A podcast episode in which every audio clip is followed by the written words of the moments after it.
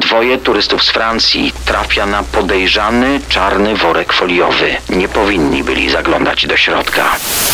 Postanowił wykorzystać fakt, że z akweduktu nie ma drogi ucieczki. Sceny zbrodni w RMFFM. Tu sceny zbrodni, ostatni odcinek przed wakacjami. Proponujemy więc no podróż, podróż do Portugalii. Oczywiście podróż w klimacie scen zbrodni. Zamiast widoków będą przerażające znaleziska. Zamiast relaksu będą krwawe śledztwa. Zamiast gościnnych gospodarzy będą mordercy z koszmarów. Także jeszcze można się zastanowić, czy jedziecie z nami na pewno. Decydujecie na własną odpowiedzialność. W każdym razie już za moment dwoje turystów z Francji w trakcie zwiedzania Portugalii trafia na podejrzany czarny worek foliowy. Nie powinni byli zaglądać do środka. A później pierwszy seryjny morderca w historii Portugalii, Diogo Alves, zwany także akweduktowym zabójcą. Sceny zbrodni w RMFFM. No to zaczynamy. Sceny zbrodni. Dzisiaj kryminalna Portugalia. Jest rok 2020. Przypominam, to jest rok pandemii. Powszechna izolacja, maseczki, unikanie zbiorowisk ludzkich. To właśnie wtedy wielu turystów zaczęło doceniać zupełnie inny aspekt podróżowania. Zaczęliśmy szukać miejsc pięknych, ale mniej popularnych. Para z Francji wybrała się do Portugalii, ale nie do kurortów i resortów, a na odludzie. Zwiedzali Portugalię na własną rękę z książkowym przewodnikiem. I tak dotarli do wodospadu Pego do Inferno.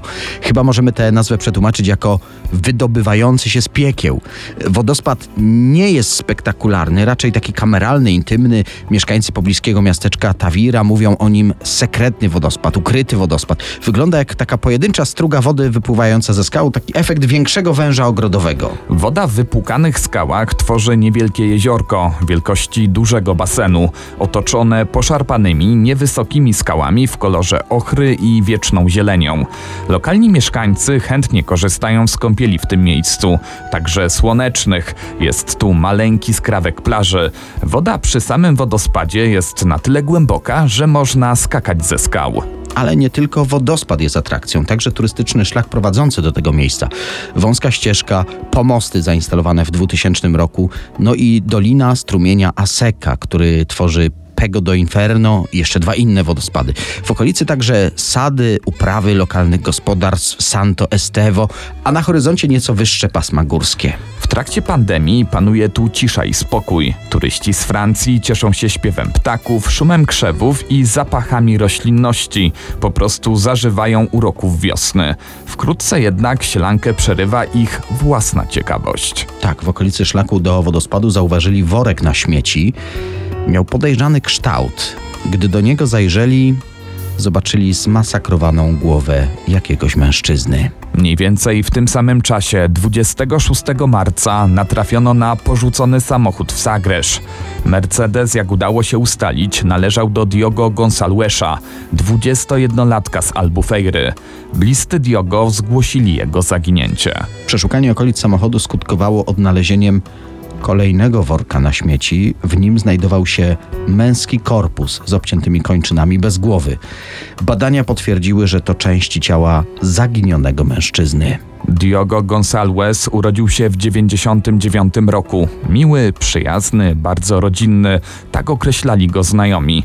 Wychowany w ubogiej rodzinie, ale trzymającej się razem. Gdy był nastolatkiem, jego tata przeszedł ciężki udar. Nigdy po nim nie odzyskał pełnej sprawności. Diogo musiał więc częściowo wziąć na siebie utrzymanie rodziny.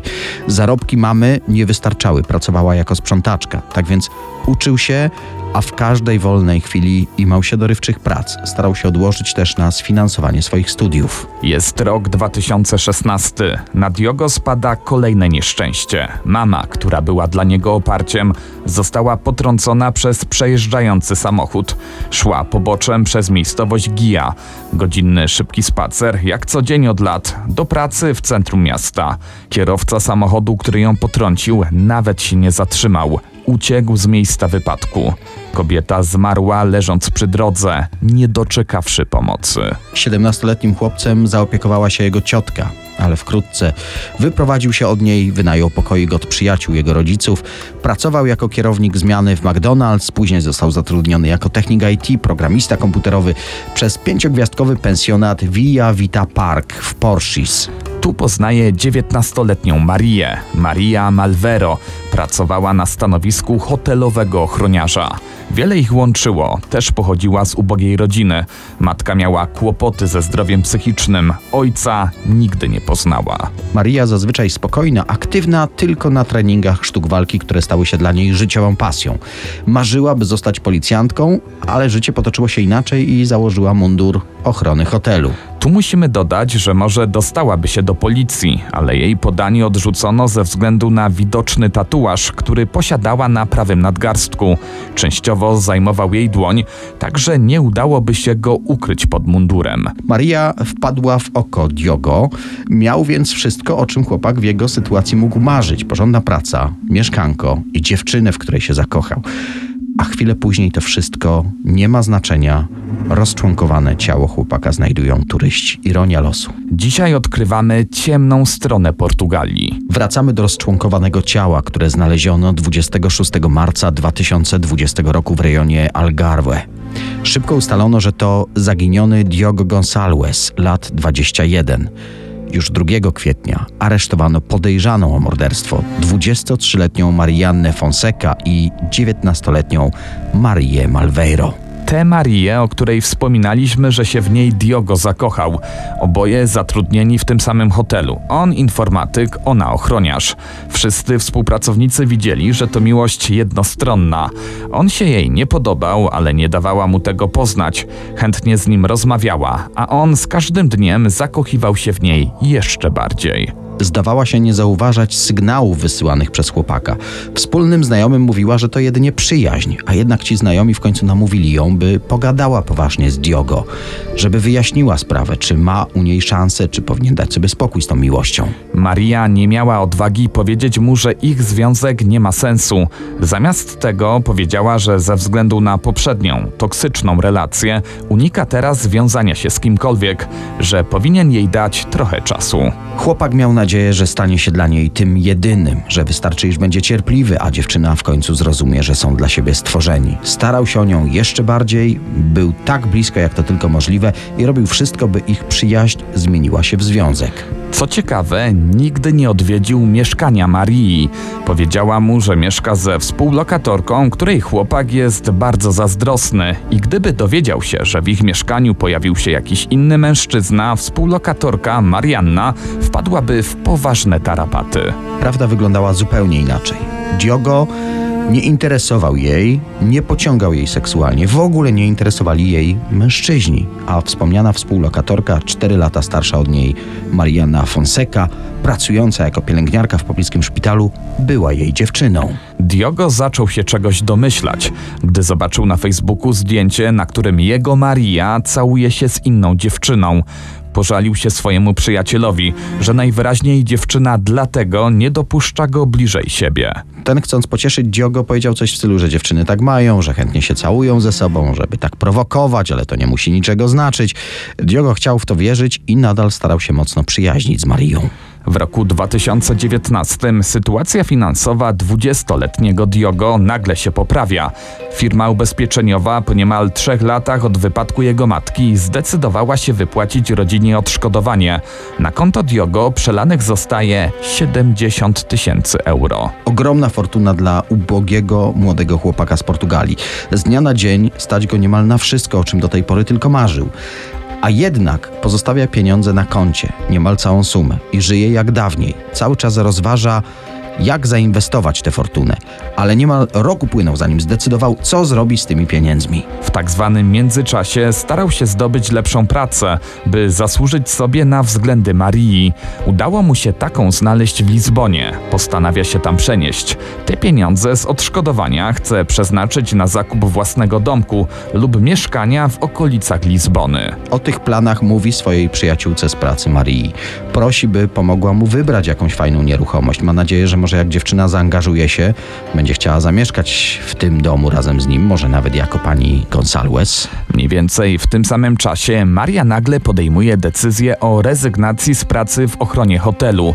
Jako powód podaje przełożonym, że to stan psychicznie chorej matki mocno się pogorszył i musi się nią zająć. Żegnana jest w atmosferze współczucia i zrozumienia. W rzeczywistości Maria ma inny plan. Chce zdobyć tę małą fortunę Diogo. Dla niej to też są pieniądze, których w życiu nie widziała, a które pozwoliłyby spełnić jej marzenia. Zwolnienie się z hotelu było pierwszym punktem misternie obmyślonego planu. Tak, Maria i Marianna też marzyły o swoim własnym domku i gdy nagle chłopak, który w jednej z nich się zakochał, zwierzył się, że ma pieniądze na to marzenie, dziewczyny postanowiły przejąć 70 tysięcy euro. Za instruktaż, jak dokonać zbrodni i nie dać się złapać, dziewczynom posłużył serial Dexter. Fani tematów kryminalnych na pewno wiedzą o co chodzi. Tytułowy Dexter w ciągu dnia pracuje jako policyjny ekspert od badania miejsca zbrodni, a nocami sam zmienia się w seryjnego mordercę. Jest marzec 2020 roku. Diogo, informatyk z hotelu, zamienił się zmianą w pracy ze swoim kolegą. Tego dnia spotyka się z Marią, dla której gotów był zrobić wszystko.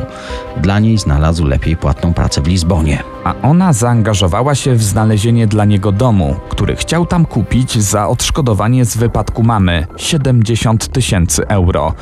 To jak Maria pomagała mu wybrać dla niego dom, to jak się zaangażowała, sprawiło, że wreszcie i ona się w nim zakochała. W każdym razie dała mu do zrozumienia, że umawia się z nim na pierwszą randkę u niego w domu. Jest wreszcie gotowa, by ich niedopowiedziany związek wreszcie skonsumować. On przygotuje posiłek, ona przyniesie napoje. Ale to były specjalnie przygotowane napoje. Dosypała do nich środków nasennych, które dostarczyła pracująca w szpitalu jej dziewczyna Marianna. Randka stawała się coraz gorętsza, a środki nasenne nie działały tak szybko, jak się Maria spodziewała. E, Musiała improwizować. Zaproponowała Diogo, że dla niego zmysłowo zatańczy. On niech usiądzie na krześle. Ona go do tego krzesła przywiąże, żeby było jeszcze bardziej pikantnie. Chłopak się zgodził. Założyła mu też opaskę na oczy. W tym czasie Marianna siedziała w samochodzie zaparkowanym przed domem Diogo. Odebrała wiadomość na telefonie, by weszła do środka. Gdy chłopak w końcu zorientował się, że coś jest nie tak, zaczął domagać się uwolnienia, zdjęcia opaski z oczu, zaczął krzyczeć. Wtedy Maria włożyła mu knebel do ust. Rzucał się, więc uderzyła go. Wiedziała jak, w końcu trenowała sztuki walki, ale cios był za mocny. Do tego knebel i pozycja, w jakiej siedział Diogo, przywiązane do krzesła. Chłopak zaczął się dusić. Gdy dziewczyny zorientowały się, co się dzieje, Marianna, pielęgniarka, próbowała mu pomóc, ale było za późno.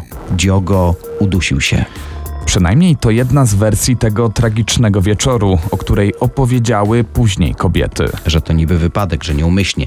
Ale wiemy, że Diogo i tak nie przeżyłby tej nocy. Trochę rzeczywiście zmarł za wcześnie. Kobiety chciały wymusić na nim, by przelał im pieniądze z odszkodowania. Co działo się później, to już przypomina krwawy horror. Morderczynie zaczęły przeczesywać mieszkanie chłopaka, by znaleźć dane bankowe. W końcu trafiły na dokument z numerem konta. Miały szczęście. Znalazły również PIN do karty płatniczej. Miały to, czego potrzebowały, ale wkrótce okazało się, że maksymalna transakcja kartą, gotówka, jaką mogły wypłacić, to 400 euro dziennie. Wypłata całej sumy na raty zajęłaby prawie rok. Postanowiły więc zrobić przelew z telefonu Diogo. Żeby się zalogować, potrzebowały kciuka chłopaka. Mówiliśmy, że przy planowaniu morderstwa wzorowały się na serialu Dexter. Przypomniały sobie kolejny przydatny odcinek i powtórzyły scenę z niego. Obcięły kciuk chłopaka i zabrały ze sobą. Jak później przyznały w trakcie procesu, były zaskoczone, że ta metoda rzeczywiście zadziałała. Zatwierdziły transakcję w smartfonie dotykiem odciętego kciuka i przelały 70 tysięcy euro na konto Marianny. Planowały również używać tego kciuka, by odblokowywać telefon Diogo i wysyłać z niego wiadomości do znajomych chłopaka, by uwiarygodnić, że żyje.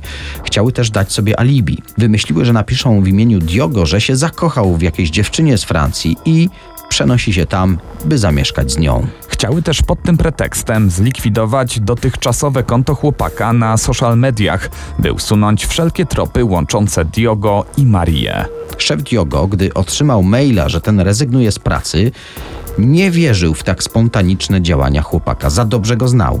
Zaniepokojony dzwonił do niego wielokrotnie na komórkę, ale Diogo zawsze odpisywał, że nie może odebrać, żeby wysłać do niego SMS. Po dwóch dniach, gdy telefon cały czas dzwonił, dziewczyny spanikowały. Wiedziały, że ta zmyślona opowieść o przeprowadzce do Francji jednak nie ma szans, więc postanowiły pozbyć się ciała. Co zrobić z ciałem, to też wiedziały z Dextera. Już w noc zabójstwa przeniosły zwłoki do bagażnika Mercedesa należącego do Diogo. Pojechały nim do swojego domu, zaparkowały w garażu i tu postanowiły poćwiartować ciało. Maria ukradła nóż kuchenny z supermarketu, tak by nikt nie powiązał ich z ewentualnym narzędziem zbrodni. Postanowiły także wybić zęby Diogo, żeby utrudnić identyfikację po szczęce. Ale to okazało się zbyt trudne. Jak powiedziały, przeszkadzał im język. Dlatego po prostu odcięły głowę i postanowiły jej się pozbyć osobno. Zwłoki w kilku workach na śmieci wrzuciły z powrotem do bagażnika auta Diogo. Maria pojechała tym samochodem w okolice miejscowości Sagresz, 80 km. Marianna jechała swoim autem tuż za nią. Tu znalazły nadmorski klif, z którego postanowiły zrzucić worki z ciałem. Samochód Diogo porzuciły przy bocznej drodze i drugim autem wróciły do siebie. Miały nadzieję, że jeśli ktoś znajdzie samochód i później natknie się na szczątki, pomyśli, że może Diogo spadając ze skał po prostu rozpadł się na kawałki. I sam upchnął się do worków na śmieci, no to najlepiej świadczy, jak misternie zaplanowały to morderstwo. Głowę w worku wyrzuciły w innym miejscu, 70 km od miejscowości, w której dokonały morderstwa, ale w drugą stronę, na wschód. I jak pamiętamy, na tę głowę natknęła się przy piekielnym wodospadzie para turystów z Francji. Miały nadzieję, że ten dystans, w sumie 150 km, sprawi, że nikt nie połączy głowy z ciałem. A jak było naprawdę, o tym już mówiliśmy. Policja bez problemu odnalazła zwłoki, porównała materiał genetyczny, ustaliła, że to zaginiony chłopak. Bez problemu ustaliła, na czyje konto w dniu morderstwa przelane zostało 70 tysięcy euro. Były wyciągi z kart w dniach po zabójstwie, gdy dziewczyny szalały na zakupach i wydawały ukradzione pieniądze. Czyli policja miała mocne dowody, y, co było motywem zbrodni, i miała mocne dowody, kto zabił.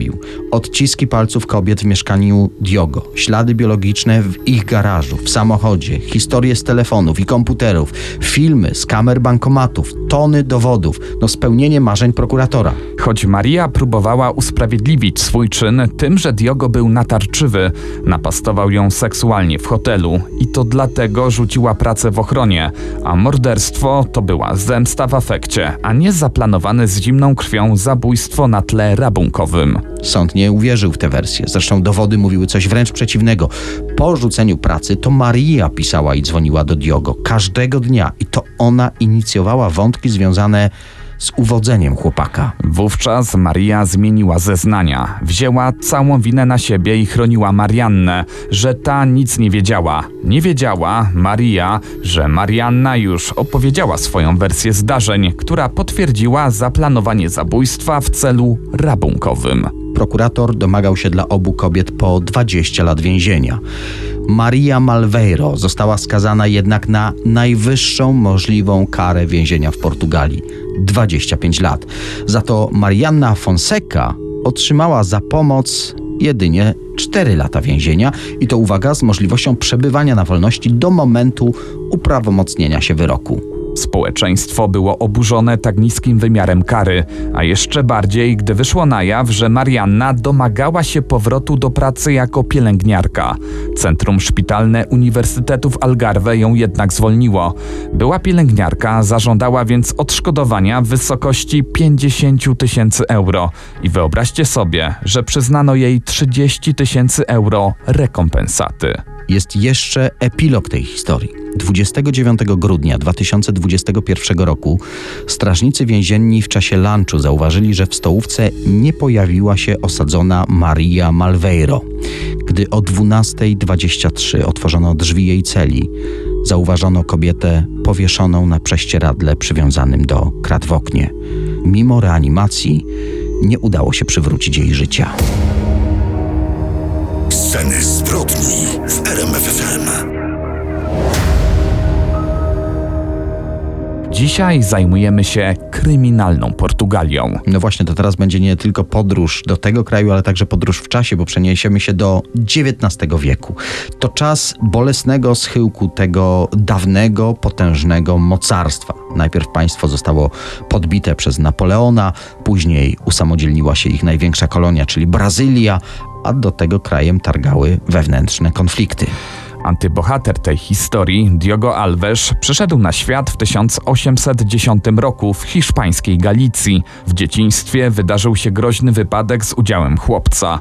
Dokładnie spadł z konia i uderzył głową o ziemię. Rodzina Alves, zajmująca się uprawą roli, nie należała do majętnych, aby więc polepszyć poziom życia chłopca i dać mu większe szanse na przyszłość lepszą niż mieli rodzice, zdecydowano się wysłać Diogo do Lizbony. 13-letni młodzieniec, tropem innych biednych mieszkańców Galicji, dotarł do stolicy Portugalii. Tu pracował jako lokaj, jako stajenny, a nawet jako szanowany woźnica. Jednak praca zdecydowanie nie była najważniejszym zajęciem w życiu młodego Diogo. Traktował ją jako przykry obowiązek.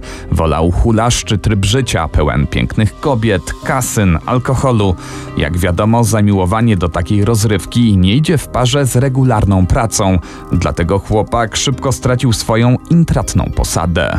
Nie odpowiadał również na listy zaniepokojonej rodziny. Bliscy byli przekonani, że chłopak nie żyje.